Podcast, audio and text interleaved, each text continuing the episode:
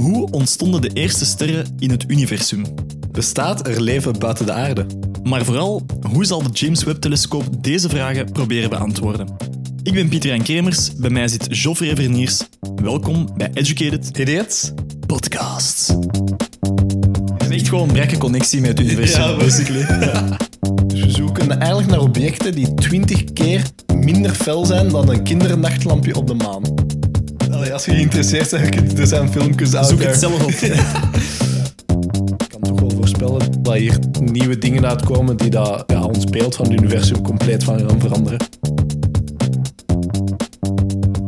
Geoffrey, zoals gebruikelijk kiezen we elke aflevering een interessant of tof wetenschappelijk nieuwsfeit dat de mainstream media gehaald heeft en bespreken wij dat dan in het eerste deel van onze aflevering zonder context of kennis als idioten, om dan in het tweede deel van de aflevering als echte educated idiots te begrijpen waarover dat het echt gaat. Geoffrey, wat staat er vandaag op de agenda? Vandaag gaan we het hebben over toch iets eh, monumentaal dat aan het gebeuren is op dit moment. Eh, en dat is de, de lancering, of gewoon laten we het algemeen zeggen, de James Webb eh, Space Telescope. En wij zijn het natuurlijk ook zien passeren in de media. En vaak stellen wij ons dan toch de vraag: waarom is dit nu cool? Ja, inderdaad. Inderdaad. Dus we, we hebben een, allee, als voorbeeld hebben we hier een artikel van de Standaard erbij gehaald. Eh, maar wat eigenlijk een van de miljoenen andere artikels Ik denk dat elke minst groot nieuwskanaal Ja, wel tuurlijk. iets over James Webb gezegd Ja, want heeft. hoeveel? Het is nu al een, een echt een decennia lang in, de, in productie. Het heeft al veel vaak Twee decennia, Twee decennia. Ja, meer dan twintig jaar. Ja, het is al vaak uitgesteld geweest. Dus eh, er is toch wel heel veel buzz rond, laten we nu toch zeggen. Eh, wij dachten dat we dan, allee, ik toch persoonlijk, wou hier toch ook dieper op ingaan, omdat ik er zelf eigenlijk niet veel van weet. Nee. En dan, dit is natuurlijk het perfecte excuus om dat dan voor een podcast te doen. Uiteraard. Een van de grote redenen waarom we de podcast überhaupt eh, doen. Dat is waar. Eh, nee, maar inderdaad. En ik denk dat we allebei wel een enthousiasme delen of zo. Ja. Voor die lancering en alles wat dat erbij hoort. Maar inderdaad, als ik dan aan mensen vertel van hey, je moet daar enthousiast over zijn, vind ik het wel moeilijk om te zeggen waarom juist. Mhm. Omdat ik er, net zoals u, eigenlijk heel weinig van weet. Ja, tuurlijk. Ah, ja, dus mijn kennis hierover is bijna nul, denk ik. Ja. Ik weet dat het, want op het moment dat we dit opnamen, is het, eh, is het gelanceerd en zijn ze bezig met eh, de ontvouwing Ja. ervan. Eh, en ja, tot zover gaat het goed. Ja. Maar daarom willen we wel meer weten wat we kunnen eigenlijk verwachten hè, van Ja. James Webb. Want iedereen kent wel de Hubble-telescoop en iedereen kent ook de fantastische foto's en informatie dat de Hubble-telescoop heeft ons heeft gegeven. Bijvoorbeeld, als ik zo on top of my head, denk ik dat de Hubble-telescoop eh, heeft bijvoorbeeld de, de Big Bang bewezen. En die heeft kunnen zien dat het, de aarde zoveel miljard... Oh nee, niet de aarde, sorry, het universum zoveel miljard jaar oud is. Ja, en die heeft ons ook gewoon heel mooie foto's opgeleverd. ja, Als de je Pillars of Creation. Google Mhm. inderdaad een aantal hey, Hubble, eh, Best of Hubble telescoop intikt. Best of Hubble. Ja, maar dat, is, dat, dat bestaat. Dat bestaat. De Hubble compilation op YouTube. dat- het is een ding. Ja. Eh, dan komt hij echt op ja, van die foto's die, die, eh, die lijken op een, een representatie zoals een, een schilder het zou tekenen, maar die dan echte foto's zijn. Eh, echt magnifiek gewoon. Maar fijn, inderdaad, wij, wij willen onderzoeken een beetje van oké, hoe... Waarom moeten wij enthousiast zijn? Wat is er eigenlijk zo speciaal aan die James Webb? Wat kunnen we verwachten dat hij effectief gaat ontdekken? En vooral, hoe doet je dat? Nee, want er wordt een heel spel gemaakt in de media over hoe een technologisch wonder dat dat is. Maar ja, wat mij betreft is dat op dit moment nog gewoon een telescoop. Dus ik denk dat we dat echt gaan moeten bekijken. Hoe werkt dat Ja, spel? want het artikel allee, geeft ons al een kleine hints van wat het zal doen. Of hints, ja, het is natuurlijk een artikel. Het zijn meer dan hints natuurlijk. Het vermeldt immers dat er... We gaan kijken naar eigenlijk de eerste gevormde zonnestelsels Ja. en de eerste gevormde sterren. Iets wat eh, de Hubble dan blijkbaar nog nooit heeft kunnen doen. Of, eh, omdat dat denk ik te ver is. Dat niet ver genoeg kan kijken, ik ben niet zeker. Ja, er staat ook gewoon in het artikel dat, dat James Webb verder in de tijd gaat kunnen kijken Ja. dan de Hubble. Wat ik ook een absurd concept vind. Maar Ja, dat ja, het zeker... Allee, dat moeten we ook een beetje beter onderzoeken Mhm. eer dat we dat, eh, daar dieper op in gaan, gaan gaan. En ook wat dat, wat dat ook wel heel hard aan bod komt in heel die berichtgeving over de James Webb, is dat ze ook gaan kijken naar is er leven op andere planeten buiten het zonnestelsel? Wat dat blijkbaar de Hubble ook toch niet echt in staat toe was om die vraag Nee. te beantwoorden. Nee, en ik weet eigenlijk niet... Ik weet eigenlijk oprecht niet waarom. Want allee, in mijn hoofd kun je, kun je dat toch zo eens nooit echt zien met een telescoop. Want allee, je gaat toch niemand zien zwaaien aan de andere kant van de, van de telescoop, Nee, ja, denk ik, hè. denk ik. Wat, wat mij betreft, allee, ik denk niet dat we, dat we op dit punt al eens een keer foto's hebben kunnen maken, ook van planeten buiten het zonnestelsel. Nee, nee, nee. Allee, of, of toch inderdaad foto's in, met die mate van precisie, dat je letterlijk zo'n alien zou kunnen naar boven zien kijken. Ja, en, ja. Denk ik, hè. Ik denk toch niet. Ehm, maar dus inderdaad, ja, is dan ook de vraag van hoe gaat James Webb dat wel doen? Is hij effectief dan zodanig geavanceerd dat we zo'n foto's wel gaan kunnen maken? Of gaat hij daar via bepaalde technologische trucs een schatting kunnen maken van oké, hoe is die planeet bewoonbaar of niet? Maar ik denk dat dat eigenlijk vooral dan ja, onze vraag wel is van Mhm. oké, hoe, hoe werkt dat? Ja. Eh, waarom is het, of, of op, op welke vlakken is het een vooruitgang op Hubble? Hè? Want het wordt heel hard ook geadverteerd Ja, ja, als de, de opvolger, de grote opvolger van Hubble. Eh, in welke mate verschilt hij? In welke mate is hij beter? Is hij anders? Dus ik denk dat dat heel boeiende vragen zijn die we kunnen beantwoorden. En dan ook wel een beetje van, ja, wat wordt er door de wetenschappelijke gemeenschap verwacht dat we ontdekken Ja. met die James Webb? Dat is natuurlijk een moeilijke vraag, denk ik, om te beantwoorden, omdat er... allee, de, de leukste ontdekkingen zullen altijd degene zijn, denk ik, die je niet verwacht. Maar ze zullen, denk ik, ook wel duidelijke onderzoeksvragen Ja, hebben. tuurlijk. Ik denk echt dat er een, een aantal projecten zijn die dat misschien priority hebben gekregen, of toch een aantal onderzoeksvragen die ze zeker willen opgelost hebben. Ja. Eh, en dat lijkt me daarom, allee, het is een beetje, een, ik denk nu een kortere deel 1 dan normaal, maar het is ook omdat we gewoon er eigenlijk echt niks van af weten. Nee, En voilà. nu, space is niet ons sterkste gedeelte, dus we willen daar gewoon meer over weten. Ja, klopt. Inderdaad, vaak starten we vanuit een onderwerp iets meer biologisch getint, Ja, we dan al meer kunnen we wel weten. wel Ja, onze, onze mening over geven, hoe klopt. juist of hoe fout dat die ook mag zijn. Voilà. Maar dus ja, dan denk ik dat, dat wij ons werk echt voor ons Mhm. uit hebben liggen. Dat wij nu eh, ja, ons, ons onderzoek gaan doen. Maar voor Ja. de luisteraar ja, komt dat resultaat van het onderzoek natuurlijk na de Twee korte seconden. onderbreking. voilà. Tot ziens. Oké, see you in a bit.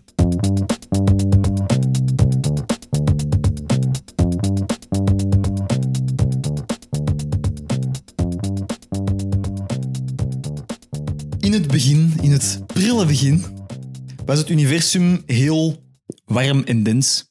Er waren elektronen, er waren andere elementaire deeltjes. En op een bepaald moment vormden die atomen. En later, en later hebben we het dan over honderden miljoenen jaren later, vormen die atomen de eerste sterren in de eerste sterrenstelsels. Ja. Maar hoe zag dat er nu juist uit?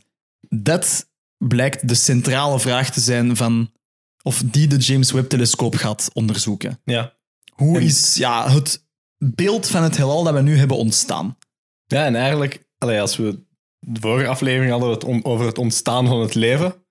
Dit is misschien nog één stap verder het ontstaan van het leven. Want zonder deze stappen hadden er daarna ook nooit andere verdere stappen geweest. Ja, We zijn nu eigenlijk gewoon met onze twee afleveringen verder in het verleden aan het gaan. Ja, klopt. Alleen kunnen we nu met geen derde aflevering maken waar we nog verder gaan.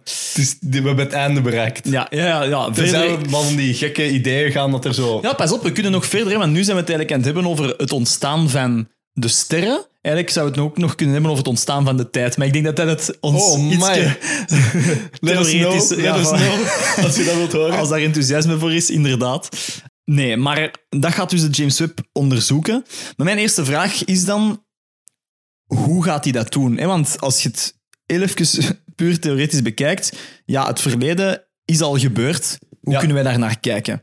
En een hele goede metafoor dat ik heb gevonden, is dus eigenlijk van, oké, stel, je staat ongeveer 66 miljoen lichtjaar verwijderd van de aarde. En misschien voor mensen die het niet weten, een lichtjaar is eh, de afstand dat het licht aflegt in één jaar. Ja. Wat dus echt allee, Belachelijk veel. belachelijk veel is, Ja. om het zo simpel te zeggen. Ehm, maar dus stel inderdaad, je staat 66 miljoen lichtjaren verwijderd van de aarde, dus echt belachelijk ver. En je hebt een supersterke telescoop om naar de aarde te kijken. Wat zou je dan zien? De aarde natuurlijk. Maar je zou specifiek de dino's zien rondlopen op de aarde. Wat e- echt een compleet maf feit is. Hè? Allee, ja, als, dus je kunt gewoon, om het simpel te zeggen misschien, je kunt in het verleden kijken, zolang je maar ver genoeg kijkt. inderdaad. Hè? Gewoon omdat je staat zo ver weg en het licht heeft er effectief 66 miljoen jaar over gedaan. Voilà, 66 miljoen jaar geleden waren de dino's hier nog Ja. en die kun je dan zien. Dat klinkt heel ja, science fiction en, Mhm. en ver van ons bed, maar uiteindelijk elke nacht als je naar boven kijkt, een heel groot deel van de sterren dat je ziet, Zijn- zijn, zijn de alle sterren eigenlijk, zijn bij definitie, dat is, dat is, je kijkt eigenlijk naar het verleden. ja. Dat is allemaal licht dat al een Het is tijd eigenlijk onderweg alsof is. dat je zo... Soms heb je zo dat je bijvoorbeeld een sportwedstrijd aan het zien bent en je zet die aan het streamen. Aha. En je stream loopt zo twee minuten achter. Mhm. En dus je hoort de mensen ergens anders al eh, vieren en jij ziet dat pas 20 seconden later. Zo zien we eigenlijk ook naar de sterren. Een beetje wel. Onze ja. stream loopt gewoon achter. Ja, ons, exact, beeld, ons beeld is zo lang onderweg dat we het gewoon nog niet We hebben zien. echt gewoon een brekke connectie met het universum, Ja, basically. Zo kun je het wel zeggen. Maar eigenlijk kunnen we dus de James Webb een beetje bekijken als zo'n extreem sterke telescoop, die je dus gaat staren naar de ruimte en dus naar het verleden. Ja. Eh, en die dat blijkbaar heel wat beter kan dan de Hubble-telescoop dat gedaan heeft. De Hubble-telescoop keek al naar het verleden, was in staat om een, ik denk, terug te kijken naar de, eerste, allez, naar de sterren die 500 miljoen jaar na de Big Bang zijn ontstaan. Ter referentie, het universum is ongeveer 14 miljard jaar oud, dus dat is ja, relatief ver eigenlijk. Ze schatten dat de James Webb eh, nog verder gaat terug kunnen en ze hopen toch tot eh, een 100 miljoen jaar na de Big Bang Maar terug te kijken. ja, en dan gaan zij echt de, het ontstaan van de eerste sterrenstelsels zien. Ja, wat echt klopt. Een, een, een maf feit is Ja, echt gewoon de geboorteplaats van het heelal zoals we het eh, nu kennen. Maar goed, wat maakt die James Webb speciaal? Wat maakt dat die eh, in staat is om te doen wat dat Hubble niet kan? Laten we ook misschien zeggen dat het 30 jaar tussen zit tussen Ja. de lancering van Hubble en nu de lancering van meer dan 30 jaar van Dus Hubble op zich en niet zo logisch dat de technologie Dus een 30 beetje jaar nieuwe is. technologie, Ja, ja. inderdaad. Maar ja, dat gezegd zijnde zijn er denk ik ruwweg twee grote aanpassingen die gebeurd zijn aan de telescoop die hem in staat maken om verder te kijken. Ik denk ten eerste is hij veel groter. Dus zo'n telescopen werken blijkbaar eh, met spiegels, die Ja. dan eigenlijk licht capteren, reflecteren op een soort van detector Ja. en dat dan omzetten in beeld. Ja, je moet die spiegels eigenlijk... um, waarom heb je die spiegels nodig? Je wilt eigenlijk zoveel mogelijk lichtdeeltjes, fotonen, opvatten. Allee, vangen eigenlijk. Maar als je dat goed doet zonder die spiegels, dan kun je maar de hoeveelheid vangen van je sensor. Van waar dat je licht opvalt. Maar stel je voor dat je nu allemaal spiegels rondzet, dan kun je het veel licht focussen op die ene sensor. Dus eigenlijk moet je zo'n spiegel zien als een soort van emmer. En hoe groter dat je emmer valt, maakt, of hoe groter je emmer maakt, hoe meer fotonen dat je kunt vangen. Als je fotonen dan vergelijkt met regendruppels, is de Dus analogie wel inderdaad, hoe groter de spiegel, eh, hoe minder lichtintensiteit dat je eigenlijk nodig hebt van je bron om die te kunnen Ja, detecteren. klopt. Right? Ja. Dus ja, dat is natuurlijk één ja, grote aanpassing. Eh, en ten tweede, hij gaat infraroodlicht detecteren in plaats van zichtbaar licht. Nu, wat is infraroodlicht? We kennen dat denk ik allemaal wel zo van infraroodcamera's, eh, hè, die warmte detecteren. Warmte, mhm. Maar in essentie is infrarood licht eigenlijk licht met een langere golflengte dan het licht dat wij met onze ogen kunnen Dan detecteren. zichtbaar licht. Dan zichtbaar licht, inderdaad. Maar waarom, hè, dat was toch mijn eerste vraag, waarom zouden we überhaupt naar infraroodlicht kijken? Want zijn we niet gewoon geïnteresseerd naar hoe dat het er tussen aanhalingstekens echt Ja, uitziet? als zichtbaar licht. Ja, van ons zichtbaar licht. Wel, er zijn twee redenen. Ten eerste is de Hubble blijkbaar vrij gelimiteerd in hoe ver het kan zien door stofwolken. Er schijnen heel grote stofwolken te zijn in de ruimte. En ja, wij kunnen daar gewoon niet doorkijken, want je ziet stof. En die zijn, die zijn vaak, verbergen die net het ontstaan van die sterren. Want die sterren ontstaan in grote stofwolken, waar er veel deeltjes zitten, waar er veel eh, reacties, om, allee, reacties gebeuren. Dus inherent maakt, het, maakt dat voor de Hubble het moeilijk om naar, die, naar de ontstaan van die sterren te kijken. Ja, inderdaad. Dus dat is één, één reden waarom dat we eh, naar infrarood zouden willen kijken. Waarom? Omdat infraroodlicht wel door die stofwolken dringt en zichtbaar licht veel minder. En ten tweede moeten we even het hebben over de relativiteitstheorie van Einstein. Ik denk dat we die allebei zeer sumier maar begrijpen. Maar wat dat we daar wel aan snappen, is dat die theoretisch toch heeft aangetoond, en dat is dan later door de Hubble-telescoop zelf eigenlijk eh, bevestigd, is dat de ruimte uitdijt. Ja. Dus die wordt groter. En dat wil onder andere zeggen dat het licht dat reist in de ruimte, dat die golflengte daarvan ook uitrekt. Ja, want licht is uiteindelijk ook een deeltje. Dat is uiteindelijk een deeltje. En dus als de ruimte waarin dat, dat licht zich bevindt zich uitzet, dan zet dat licht Ja. ook uit. En wat betekent dat? uw zichtbare licht gaat dus een langere golflengte krijgen en gaat opschuiven richting die hogere regionen, Ja. die wij dus eigenlijk niet meer kunnen zien. Nee, richting infraroodlicht. Richting infrarood. Wat dat eigenlijk wil zeggen is, als wij naar boven kijken, naar een mooie sterrenhemel, Mhm. dan zijn er heel veel sterren van heel ver die wij gewoon niet meer kunnen zien, Nee. omdat die hun licht die een rode shift heeft Ja, gekregen. meer richting infrarood geshift. En infrarood kunnen wij als mensen niet waarnemen. Voilà, inderdaad. Dus dat gaat James Webb wel doen. Hè. Dus enerzijds gaat hij, zoals dat jij net daar juist zei, door een grotere spiegel heel dim licht kunnen detecteren. En door infrarood licht te detecteren, gaan die bij definitie sterren zien die heel, heel, heel, heel, heel ver weg van ons zijn. En dus ook heel, heel, heel lang geleden ontstaan zijn. Ja. En wat, ja, onze centrale vraag, denk ik, van vandaag is: hoe detecteert die een telescoop dat heel dim infrarood licht met zo'n enorme precisie? Ja. En ik denk het eerste coole is hoe dat de, die, ja, die gigantische spiegel toch tot in de ruimte gelanceerd Ja, is. hè. Want we ons niet vergeten, het is een ruimtetelescoop. Hij is gelanceerd. Dat is niet zoals hè, het klassieke idee dat je hebt van een telescoop, van zo'n grote object dat op aarde, Op aarde staat. blijft. Nee, nee. Eh, nee, nee, hij is gelanceerd, hij is in de ruimte. Ja. Hoe brengt zo'n gigantische spiegel tot in de ruimte? Ja, het probleem is natuurlijk dat die hedendaags nog op de aarde gemaakt moet worden. En dus er is een transportmiddel nodig om die uiteindelijk in de ruimte te krijgen. Eh, en dat moet natuurlijk op een raket gezet worden. Dus een, zo'n gigantische telescoop. En als je de foto's hebt gezien, zie je dat daar zo een heel gek, precies al- aluminiumfolie onderkant aan is, dat heel groot lijkt. Eh, wel, dat aluminium onderzijde, ik denk dat die ongeveer de grootte is van een tennisveld. Ja, ja inderdaad. Uh, dus dat, dat, allee, dat geeft al een idee van hoe groot het moet zijn. Het is natuurlijk, ze hebben dat dan natuurlijk slim aangepakt en ze hebben die op, opgevouwd er eigenlijk in. Ze hebben ervoor gezorgd dat die de spiegel en ook die heel, die, eh, heel het, het zonneschild daaronder eigenlijk. Ze hebben gezorgd dat eigenlijk die, die telescoop heel compact opgevouwen kan worden om dan in een raket te zetten en dat die dan in de ruimte zal ontvouwen. Ehm, en ja, wat ik daar toch wel het coolste aan vind, is de spiegel zelf. Hè. Dus Ja. in plaats van dat dat ene grote massieve spiegel is, bestaat die uit 18 hexagonale Mhm. Onderdeelspiegels. zeshoekig. Zeshoekig inderdaad. Ja. Nou, dat kan. Ehm, die inderdaad in de ru- eens in de ruimte Mhm. zich volledig ontplooien tot een grote, Tot een- een grote, een grote spiegel, cirkel Een grote cirkel, die blijkbaar ja, het effect heeft van één eh, vlak, vlakke spiegel te Mhm. Ja. zijn eigenlijk.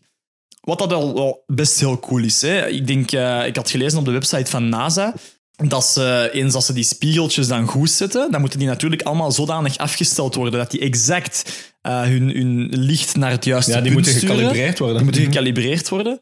En ik had gelezen dat die dat eigenlijk doen met kleine stapjes Mhm. die kleiner zijn dan een tienduizendste met een menselijk haar. Dat is maf, hè? Hoe Ja. precies dat, dat kan. En ik, heb daar nog wel, ik had daar ook nog iets leuk rond gevonden. Want eh, het feit dat nu die James Webb dat zelf kan, die kan zijn eigen kalibreren. Hubble kon dat niet. Dus die zijn, die zijn de spiegel, was op de aarde gemaakt, dan naar de ruimte gestuurd. En daar dan eigenlijk voor de eerste keer getest. Wat bleek nu? Ze, hebben, ze hadden die te vlak geslepen, die spiegel. Dus alle foto's waren, de eerste foto's waren allemaal blurry. Oh, really? Ja, dus, Dus ze hebben dat spel naar boven gestuurd, dus ik kreeg een eerste foto en dat was zo van, oei. ah, we fucked it. Echt of Ja, ja, ja, ja, die, die was dan helemaal eh, blurry, omwille dat die te vlak geslepen was, wat ze op aarde niet gemerkt hadden.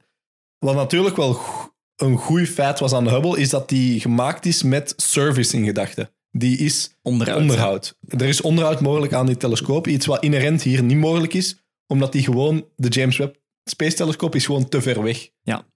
Eh, aan de Hubble konden astronauten daarheen vliegen eh, en die onderhoud aan uitvoeren. En dat hebben ze dan eigenlijk ook gedaan. Ze hebben daar eigenlijk hebben ze de Hubble een bril gegeven.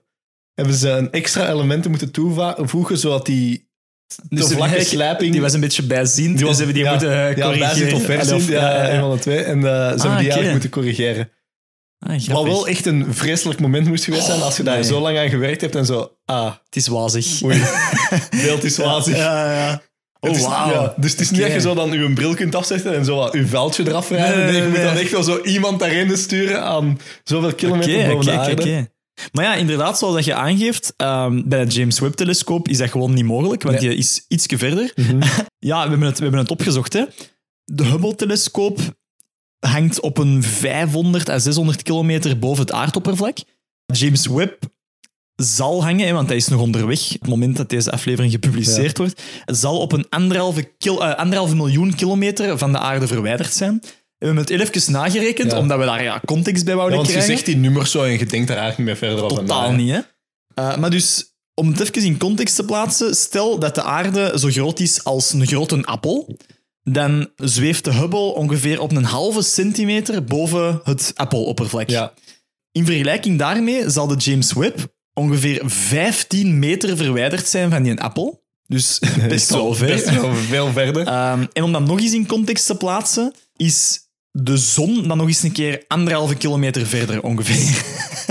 dus het is best nog altijd ver van de zon, maar, maar- toch ook al wel echt in de ruimte. je kunt ik. dan de appel gewoon totaal niet meer zien. Nee, Eigenlijk. de appel is gewoon een stipje. Ja, stipje. Ehm, maar ja, toch wel. Allee, voor mij is dat een groot verschil. hè. Hubble is toch echt nog close to home, Ja, dicht ja, bij ons. James Webb is ver. Allee, Ja. daar stuurde niet zomaar een astronaut naartoe. Nee, en de reden, dat, allee, omdat het ook zo ver is, is er ook die levenstermijn van 10 jaar opgeplakt. Ja, Eh, het, het is niet dat die componenten kapot gaan. Het is niet dat er daar problemen mee komen. Dat kan altijd natuurlijk. Maar zij hebben die leeftijdstermijn van 10 jaar gezet, omdat gewoon op dat moment de brandstof op is. Na 10 jaar is de brandstof op en dan kunnen zij niet meer de juiste aanpassingen doen om die in, op de juiste plek te houden. En oké, er zijn geruchten dat, dat NASA nu aan het werken is aan zo van die refueling missions. onbemand dan Onbemand dan waarschijnlijk, ja. via een robot om die te, allee, Bij te tanken. bij te tanken. Letterlijk gewoon een tankstation dat je erheen rijdt of vliegt. Maar ja, het, het moet zo ver staan, maar dat brengt natuurlijk ook zijn eigen problemen mee. En dat is ook waarom dat Hubble zo lang heeft mee kunnen gaan, omdat die gewoon serviceable is door astronauten. Oké, cool. Eh, maar laten we misschien even praten over eh, waaruit dat die telescoop dan effectief bestaat. Om dan ook te kijken naar wat gaat hem proberen onderzoeken. En wat dat ik heb kunnen vinden, is dat de detector in het algemeen eigenlijk uit, of de telescoop uit vier grote modules bestaat. En de eerste is NIRCam. En dat staat voor Near Infrared Camera. Dus een camera die eigenlijk gaat kijken naar near, nabij infrarood. Dus dat zijn eigenlijk de golflengtes die net boven het zichtbaar licht zijn, die we net niet kunnen zien. En daar, eh, of die camera gaat eigenlijk speuren naar, dus naar dat licht van die eerste sterren en sterrenstelsels. Dus dat is toch een vrij belangrijk deel ehm, van de missie. Maar wat dat die NIRCam niet kan doen, is ons iets vertellen over hoe dat die, of wat dat er zich in die sterren bevindt. Dus die kunnen daar foto's van nemen, dat is allemaal goed en wel. Maar naast die detecteren, wil de missie natuurlijk ook eh, sporen van leven ja, bekijken. Ja, je wat de samenstelling van planeten weten. Voilà, inderdaad. En eh, omdat we, ik denk in deel 1 het even gehad hadden over, ah ja, oké, maar hoe kun je nu leven detecteren? Ja, Ga je ja. gewoon zo kijken naar, ja, ga de aliens kunnen fotograferen? Ja, hey. Eh, nee, dus Nee. het antwoord is nee.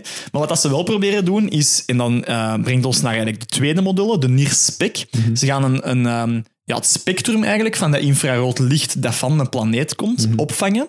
En daaruit kun je blijkbaar eh, heel wat eigenschappen halen over de massa, temperatuur van een planeet, maar ook inderdaad over de chemische Ja, eigenschappen. en de is samenstelling van de atmosfeer. Inderdaad. Is er überhaupt een atmosfeer? Ja, inderdaad. Wat Ehm. dan cruciale eigenschappen zijn van leven zoals wij het kennen te kunnen huisvestigen. Ja, inderdaad. Nu, ik weet niet hoe dat met u zit, maar ik vind dat op zich absurd dat... Allee, weet je, de vraag van is er leven buiten ons zonnestelsel, dat is zo'n vraag dat je al wel eens een keer eh, bespreekt op café, als je zoiets wat dieper filosofisch Ja, begint en zo. Maar ik vind dat absurd dat een van de grootste ruimteprojecten van onze tijd als, als missie heeft om dat leven te zoeken. Dat betekent dat we dat toch als mensheid dat we daar echt serieus Ja, ja. geïnteresseerd in zijn en ook wel in geloven dat die kans echt Ja, bestaat. hè? Maar het is nog niet helemaal naar het leven dat het zoekt. Right? Het zoekt naar planeten die dat leven kunnen Klopt. huisvestigen. Klopt. Nee, nee, dat is waar. Dus Belangrijke het zijn nuances. Allee, of dat er dan wel of niet leven is en hoe complex dat, dat is. Allee, de, de, kans is dat er, allee, de kans is groot dat er leven daar is. Hè? Ik, ben, ik, ik geloof heel sterk dat er zeker op planeten, dat je zeker planeten kunt vinden die ook leven huisvestigen. Zoals besproken in onze vorige besproken in episode. vorige episode. Uh, maar of dat die even complex zijn en even ver geëvolueerd als ons leven, dat kunnen we eigenlijk moeilijk Nee. zeggen. Nee, inderdaad. En dat gaat waarschijnlijk ook niet per se beantwoord worden door deze missie. Nee. Maar inderdaad, het gaat ons wel in staat stellen om planeten te identificeren die de juiste eh, samenstelling hebben Hmm. voor wat, wat dat wij definiëren als leven. Ja. Nu, goed, die telescoop ja, die, eh, gaat vanuit de ruimte eh, dan metingen doen. En die gaat blijkbaar ook ja, constant bijgestuurd moeten Ja. worden. Dus dat brengt ons naar onze derde module. Dat is de Fine Guidance Sensor. Nu, voor mij is dat van, ah ja, oké, cool, guidance. Maar blijkt dat daar best wel veel technologie Mhm. Ja, achter zit om dat spel te kunnen bijsturen. Ja, tuurlijk, want je moet ook, allez, je moet ook in het hoofd houden hoe, hoe, ver dat je, hoe verder dat je iets bekijkt, hoe moeilijker dat, dat is om in beeld te houden. Dus stel je voor dat jij met een fototoestel met een hele grote zoom naar iets kijkt, je handbewegingen zijn eens zo duidelijk. Als jij met iets kijkt met een hele grote wijde lens, dan zie je je trillingen niet, maar als jij inzoomt, dan is het heel moeilijk om dat beeld stabiel te houden.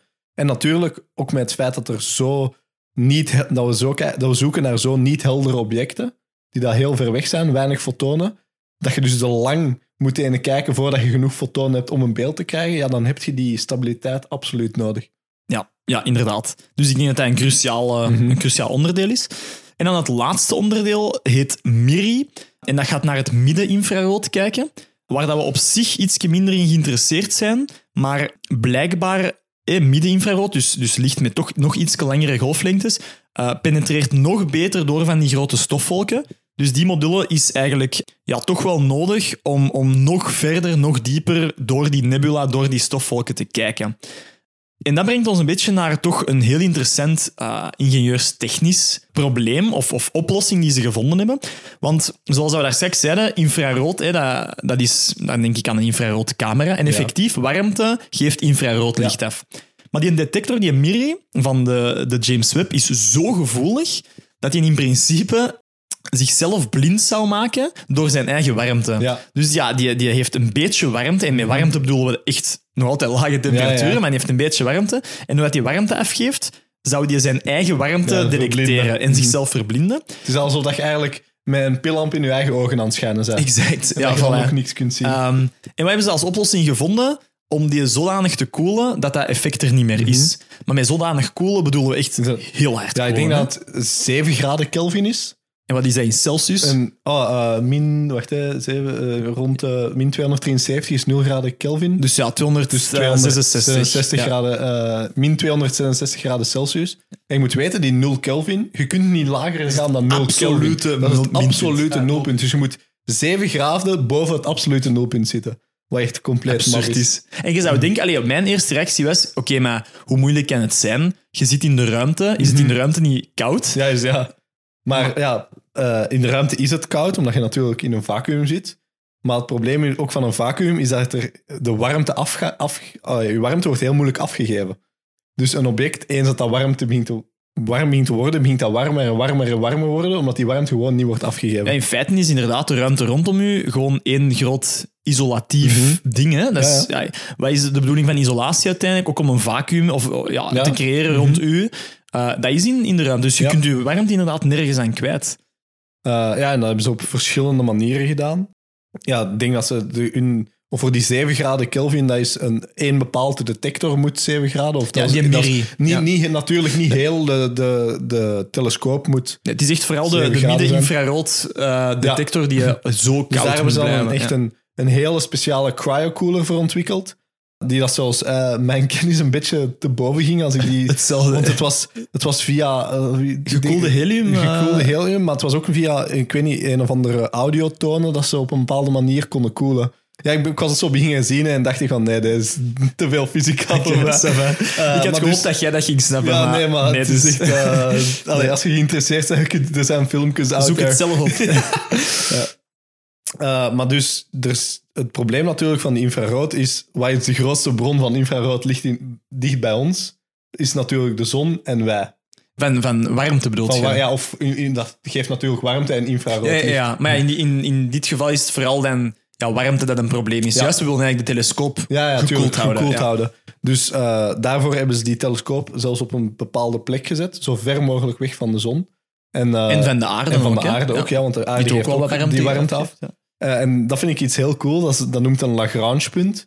En een Lagrange-punt, zo zijn er een aantal punten um, bepaald. En die punten worden bepaald door afstand met bijvoorbeeld twee hemellichamen die een uh, zwaartekracht uitwerken op je punt dat je ergens wilt zetten. En op die punten cancelen die twee, die twee zwaartekrachten elkaar uit en blijft eigenlijk dit punt op een stabiele baan dat, dat dan door de zonnestelsel beweegt. Dus, dus eigenlijk, ja. hè, um, normaal bij de satellieten die we kennen, ook bij de Hubble-telescoop, inderdaad, je brengt dat normaal gezien in een baan rond een object. Vaak is het dan de aarde. Ja. Maar in dit geval, inderdaad, hebben ze het naar een Lagrange-punt gebracht, wat dat niet in een baan rond de aarde beweegt, maar zich parallel met de aarde Ja, rond de zon beweegt. de Zo moet ik het zien. Hè? Mhm, inderdaad. Dus die Dus- blijft eigenlijk stabiel ten opzichte van de aarde, maar beweegt, rond altijd, de zon. Ja, Ja. nog altijd rond de zon. En dat is belangrijk omdat je dan zo die, die James Webb kan zich de hele tijd in de, aan de donkere kant van de aarde behouden. Een vergelijking, als wij naar de sterren kijken, we doen dat ook niet overdag. Nee, Wij doen nee, dat s'nachts nee, wanneer dat je de sterren Ja. kunt zien en wanneer het er niet licht is, dat al je sensor... Allee, Ja. geen, minder infrarood licht. Maar dan hebben we nog altijd het probleem van de warmte. Die van de aarde, aarde komt, van, de, ja. van de zon komt. En we hebben het nu al zoveel gehad over die detectoren en over hoe cool dat James Webb is en hoe dat veel van die detectoren werken. Maar wat je vaak niet realiseert bij zoiets, is dat er zo'n hele allee, achtergrond aan engineering nodig is, vooraleer dat je main doel kan werken. Mhm. Bijvoorbeeld, ik, heb, ik ben dan eens dieper ingegaan op die koeling, omdat ik zoiets wel cool vind om te weten wat er eigenlijk nog achter zit. Want je denkt altijd, ah ja, die detector, dat zal dat zijn, en dan we sturen dat op en dat is klaar. Mhm. Maar de, de level van engineering dat in cooling zit, vind ik dat zelf of dat belangrijk genoeg is om wat meer aan toe, allee, om wat we groot, beter over uit te wijden. Zo hebben ze bijvoorbeeld, ik, ik heb het al gehad over die sunshield in het Ja, begin. het zonneschild, Dus het zonneschild, dat zit dus aan de zonnekant van de, van de telescoop, naar, gericht naar, naar de warmte eigenlijk. Mhm. Eh, en dat bestaat uit, uit verschillende lagen. En ze hebben die lagen los van elkaar gedaan, zodat er zo weinig mogelijk eh, conductie is. Dus als, twee warme, als één warm object en één koud object elkaar aanraakt, dan wordt het koud object warm. Dat is Ja. basically Ja, ja, ja. conductie. En zij hebben dat daar dus los van elkaar gehad, zodat er een gat tussen zit, zodat zij ook eigenlijk die, eh, die vacuüm van space, van de ruimte Gebruiken gebruiken als een soort van isolatie daar extra. Ehm, en daar hebben ze een, een heel een, een soort van materiaal gebruikt dat Captain noemt. Dat is licht, sterk en resistent tegen veel s- problemen dat je in space zou hebben. Bijvoorbeeld ja, de radiatie gewoon, dat afbrokkeling kan veroorzaken en alle andere degradatie. Eh, dat is een zeer dun materiaal. Mhm. Die, die nummers zijn ook echt weer zot. hè. Dat is 0,05 mm dik. Dus ja, dus, eh, dus zo maken ze die vier of vijf laagjes van, denk ik. Ehm, en dat zorgt ervoor dat je al een heel deel koeling hebt. Eigenlijk een soort van passieve koeling gewoon. Eh, want ze hebben dat dan ook nog eens zo, zo gebogen. Dat, want er zijn een aantal manieren waarop dat warmte doorgegeven kan worden. Drie manieren. Ten eerste convectie. Ja, dus, Dus want dat, eh, als er een, bijvoorbeeld een wind blaast over iets warm, dan wordt die wind ook Ja. warm. Eh, maar dat is in de ruimte technisch gezien niet aanwezig, want het is een vacuüm. dus daar moeten ze eigenlijk geen rekening Daar mee moeten ze geen houden. rekening mee houden, dat maakt het voor hen gemakkelijker. Dan heb je conductie, dus als, Mhm. als twee objecten elkaar aanraken. En dan heb je ook nog straling of radiatie. En dat is wanneer een warm object die zendt stralen uit, zoals bijvoorbeeld de zon. Dus in dit geval moeten zij vooral naar die straling kijken. Dan. Vooral naar eh, radiatie en naar conductie. conductie, ook, ja, want sommige, ze moeten nog altijd, altijd wel connecteren aan elkaar. Ja, ja, ja, ja. Ehm, maar daar hebben ze een aantal heel eh, eh, coole technieken voor gebruikt. Dus je hebt al die Kapton, iets Mhm. dat goed, eh, een materiaal is dat goed zonnewerend is en dat goed eh, warmtewerend is. Wat daar cool aan is, is dat hoe dat ze dat gebogen hebben. Ze hebben dat gebogen in een soort van ronding. ja? Dus die Kapton, die, die, als die dan warmte opneemt, dan zendt hij ook warmte uit via straling.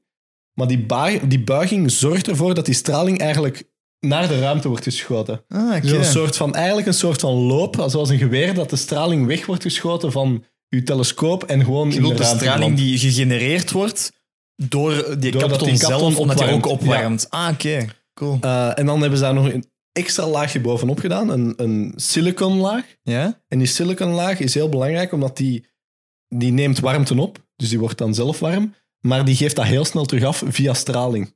Dus je zult heel weinig conductie hebben, omdat die siliconlaag gewoon direct zijn warmte afgeeft via straling en die wordt dan weer langs die, langs die Captain eh, zonneschild weggeschoten in de ruimte.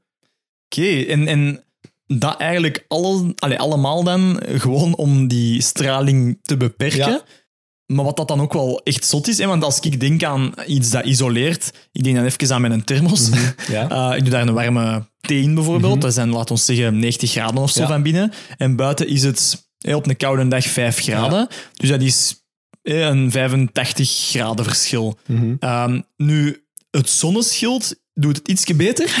Ja, Want ja, ja. aan de ene kant hebben we dan een min 230 tot 260 graden. Mhm. En aan de andere kant, aan de zonnekant, heb je een 80 graden dat bereikt wordt. Juist? Mhm. Dus dat wil zeggen dat je meer dan 300 graden verschil hebt. Dat Ja, die ja. dunne plaatjes van hoeveel millimeter Ja, breedte was het? 0,05 Van mm dik.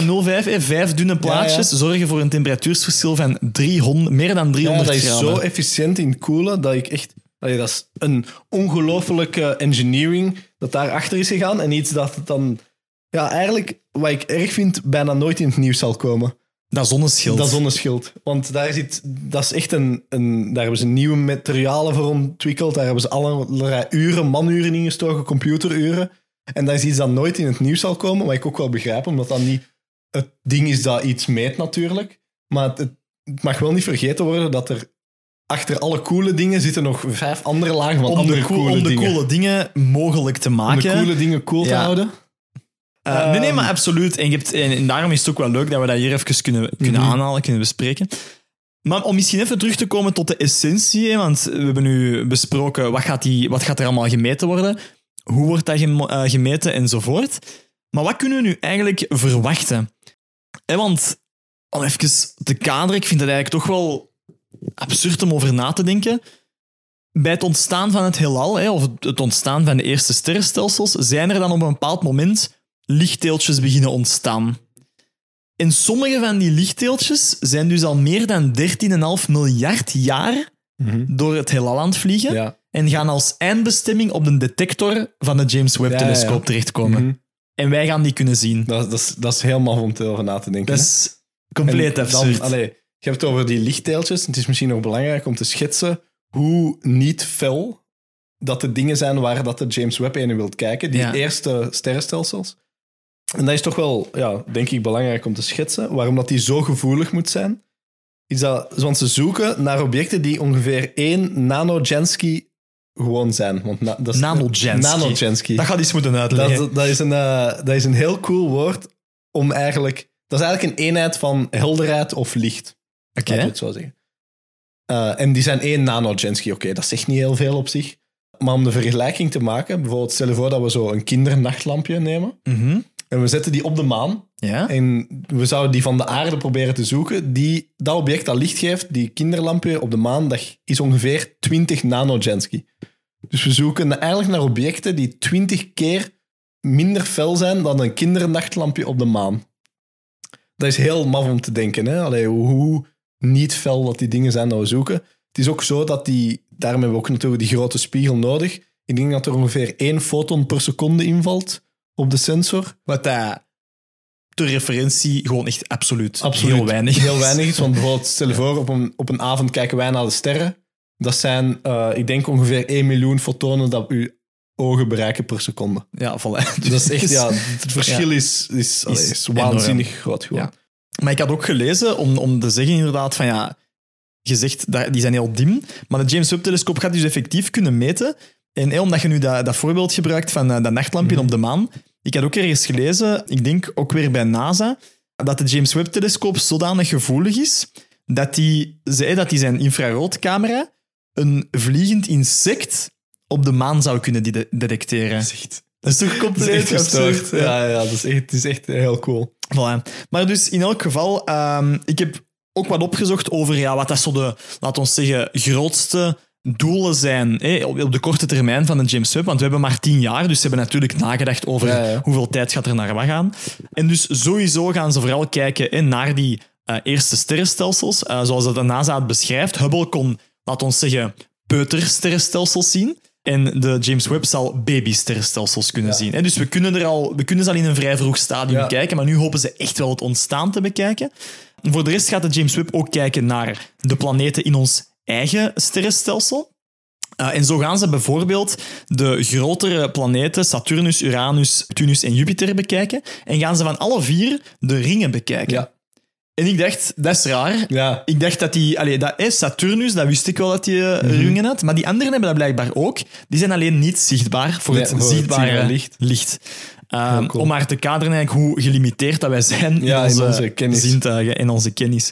En natuurlijk, dat hebben we al aangehaald, zijn, gaan ze tenslotte ook kijken naar planeten in eh, de bewoonbare zones Mhm. van eh, sterrenstelsels, die dus ja, op de optimale Ja. Mhm. eh, ja, afstand zijn van de zon om leven mogelijk te maken. En gaan ze die Ja, en bekijken. één zo'n zone, ik denk dat dat een zonnestelsel noemt, genaamd TRAPPIST-1, heb ik gevonden. Mhm. En daar zijn ongeveer zeven aardeachtige planeten dat daar rond een, rond een zon vliegen die heel erg lijkt op ons. Ah. Dus als ze daar, allee, ja, op, op die plek hebben ze de grootste kans om omstandigheden te vinden die leven zouden kunnen, eh, onder, kunnen onderhouden. Oké, Ja, cool. heel cool. En natuurlijk, en dat wordt ook benadrukt door de NASA, een, zo, allee, een- een extra onderzoeksvraag is ook gewoon ontdekken wat we nog niet weten. Ja. Want bij Hubble hebben ze ook heel wat zaken ontdekt. Ja, gewoon nieuwe dingen. Nieuwe dingen die we daarvoor eigenlijk Mhm. gewoon totaal niet wisten. Ja. Dus ik denk, Geoffrey, dat we allebei toch wel zeer enthousiast zijn om die eerste beelden te bekijken. Ja, maar het is ergens midden april, dacht ik. Dat eerste Dat de beelden eerste binnenkomen? beelden, want ze zijn nu op dit moment van opname zijn ze bezig met het kalibreren van de spiegels. Ja. En dat duurt eh, redelijk lang, omdat ja, als je dat in increments van 1 tienduizendste van een haar moet doen, dat, dat zal wel even duren. Ja. Eh, en ze moeten er ook 18 zo kalibreren. Ja. Eh, dus daar zijn we nu mee bezig. En dan gaan vanaf, denk ik, midden april de eerste projecten van start. En het is misschien ook belangrijk om te zeggen, er zijn mensen, echt onderzoekers, hebben projecten kunnen insturen. Het is niet zo dat dat een, een, een telescoop is van NASA en van de ESA, maar het is eigenlijk, noemen zij het, een telescope for all. En dus eh, onderzoekscentra hebben, hebben projecten kunnen insturen en daarvan zijn er nu voor het eerste jaar een 266 geselecteerd. Oké. En die, die worden dan tijdverdeeld hoe, hoe lang dat ze het kunnen gebruiken. Het moet wel heel cool zijn als ruimtewetenschapper om tijd te kunnen boeken Op, de Op, James eh, Webb. Ja, Ja, ja, tuurlijk. Nu, ik had ook wel ge- gelezen ehm, dat, hoe cool dat, dat ook is, dat dat ehm, ook wel een, ja, zoals alles natuurlijk, een negatief effect heeft. Zijnde, blijkbaar is het de laatste jaren wel heel moeilijk geworden om als ruimtewetenschapper ehm, funding, sponsoring voor uw onderzoek te krijgen. Juist met het vooruitzicht van de James Webb. Omdat er gezegd werd van ja, oké, er gaat al zoveel publiek geld naar ruimteonderzoek in de vorm van James Webb, dat ze dat eigenlijk een beetje Ah, hebben ja. teruggeschroefd. Dus als je nu als ruimtewetenschapper niet aan bod komt bij de James Webb onderzoeken, staat je een beetje meer in de kou dan, Mhm. Ja, ja. eh, dan daarvoor. Maar zo heeft natuurlijk is- alles wel zijn Dat is negatieve eigenlijk gevolgen. zoals zo een, een, een Lamborghini kopen, maar niet genoeg geld hebben om zo de, de benzine te hebben. Dus je kunt Zoiets. er een kijken en je kunt andere mensen ermee zien rijden, maar zelf niet. Zoiets. Ja, Zoiets. Ja. Eh, maar ja, dus een ander klein tof uh, milestone eigenlijk van de Hubble, vond ik. En dat past binnen hoeveel projecten ze gaan doen. Ik denk dat in 2019 heeft hij zijn miljoenste recording gedaan. En zijn er op dat moment, ik denk in de 10.000 eh, papers verschenen die dat data van Hubble gebruiken. Absurd. Ja, dat is absurd gewoon de hoeveelheid data dat daaruit verder komt. En dat is echt wel iets om naar uit te kijken, omdat ja, veel data zal, zal, zullen wij nooit zien natuurlijk, of zal niet baanbrekend genoeg zijn, om laten we het zo zeggen. Maar ik denk toch, allee, ik kan toch wel voorspellen, denk ik, of, of toch veilig voorspellen, dat hier nieuwe dingen uitkomen die dat, ja, ons beeld van het universum compleet van gaan veranderen. Ik denk het ook, absoluut. Waaronder eh, dark matter. Maar dat, is, maar dat is denk ik voor een, andere, voor een andere Dan aflevering. waren we wel confused door gewoon de Wikipedia-pagina te lezen. Ja, weet je, als we stranden op de Wikipedia-pagina, dan laten we het meestal uit de aflevering. dat is te slecht voor ons ego. Ehm, maar inderdaad, ik denk dat we daar geweldige dingen van mogen verwachten. Tot die eerste foto is het natuurlijk nog een beetje bang afwachten. Op de website van de NASA, dat is zeker een aanrader, kun je elke stap van Ja. de ontplooiing volgen. Volgens mij kon je zelfs zien aan welke spiegel dat ze waren om die, die dat ze aan het kalibreren waren. Ja, inderdaad. Maar NASA heeft dit qua PR zo goed gedaan. Want ik, ik heb het gevoel dat bijvoorbeeld... Allee, soms blader ik wel eens op Reddit en andere... Allee, zo Reddit vooral. en andere En kanalen. andere kanalen. nee, maar het is eigenlijk vooral Reddit. Eh, en ja, iedereen is daar echt hyped over James hè? Webb. En Ja. je kunt dan live volgen welke ontplooiing dat ze bezig zijn. Je kunt dan de launch live volgen. Er zijn interviews de hele tijd. Allee, ik vind dat ze het wel Ze pakken het echt heel, heel goed aan. goed aan. Want Ja. ze, ze betrekken echt het, al, het volk rond. En dat, dat zorgt er ook voor dat de mensen iets minder... Iets, of iets gemakkelijker over dat grote prijskaartje heen kunnen denken. Ja, want allee, laat ons niet vergeten, het heeft wel een 10 miljard, ja, eh, 10 miljard euro gekost. Dat is wel veel geld, dat, dat is publiek geld. Maar inderdaad, ik vind dat wel wat dat NASA doet heel goed, maar ook wel belangrijk. Want anders is het maar een telescoop die gelanceerd wordt. En kun je echt wel de vraag stellen van... pff, waarom is dat weer nodig? Ja, maar als je de context erachter kent, eh, de zaken die we misschien gaan, onder, eh, gaan ontdekken, dan pff, is het moeilijk om daar niet enthousiast, Ja, enthousiast over te zijn. Ik denk ook als ik dit vergelijk, eh, we hebben een tijd geleden een aflevering gedaan over de zin en onzin van ruimtereizen en ruimtetoerisme. bonus De episode. bonus-episode. Dan, eh, ja, dan vind ik het veel makkelijker om hier enthousiast over te zijn, omdat dat zo'n zuiver wetenschappelijk doel heeft. Mhm. Dat is kennis vergaren over de meest fundamentele vragen van het universum. En ik denk dat we dat alleen maar kunnen aanmoedigen en enthousiast over kunnen Ja, zijn. zeker. Uh, dus ik hoop dat we binnen een jaar of twee jaar misschien een soort van uh, ja, James Webb Revisited kunnen doen, Ja. waar dat we bespreken van oké, goed, wat heeft hij nu eigenlijk verwezenlijkt Alle al? coole data. Ja, wat, wat is er van cool. data uitgekomen? Wat hebben we ontdekt? Dus uh, om dat te ontdekken en veel meer, stay tuned Ja. uh, bij... Binnen twee jaar dan. Ja, tot binnen twee jaar. Maar tot dan hebben we waarschijnlijk nog wel veel andere Ik afleveringen. hoop nog. het. Dus voor al die zaken is er natuurlijk één adres. Educated Idiots Podcast. Tot de volgende keer. Ciao.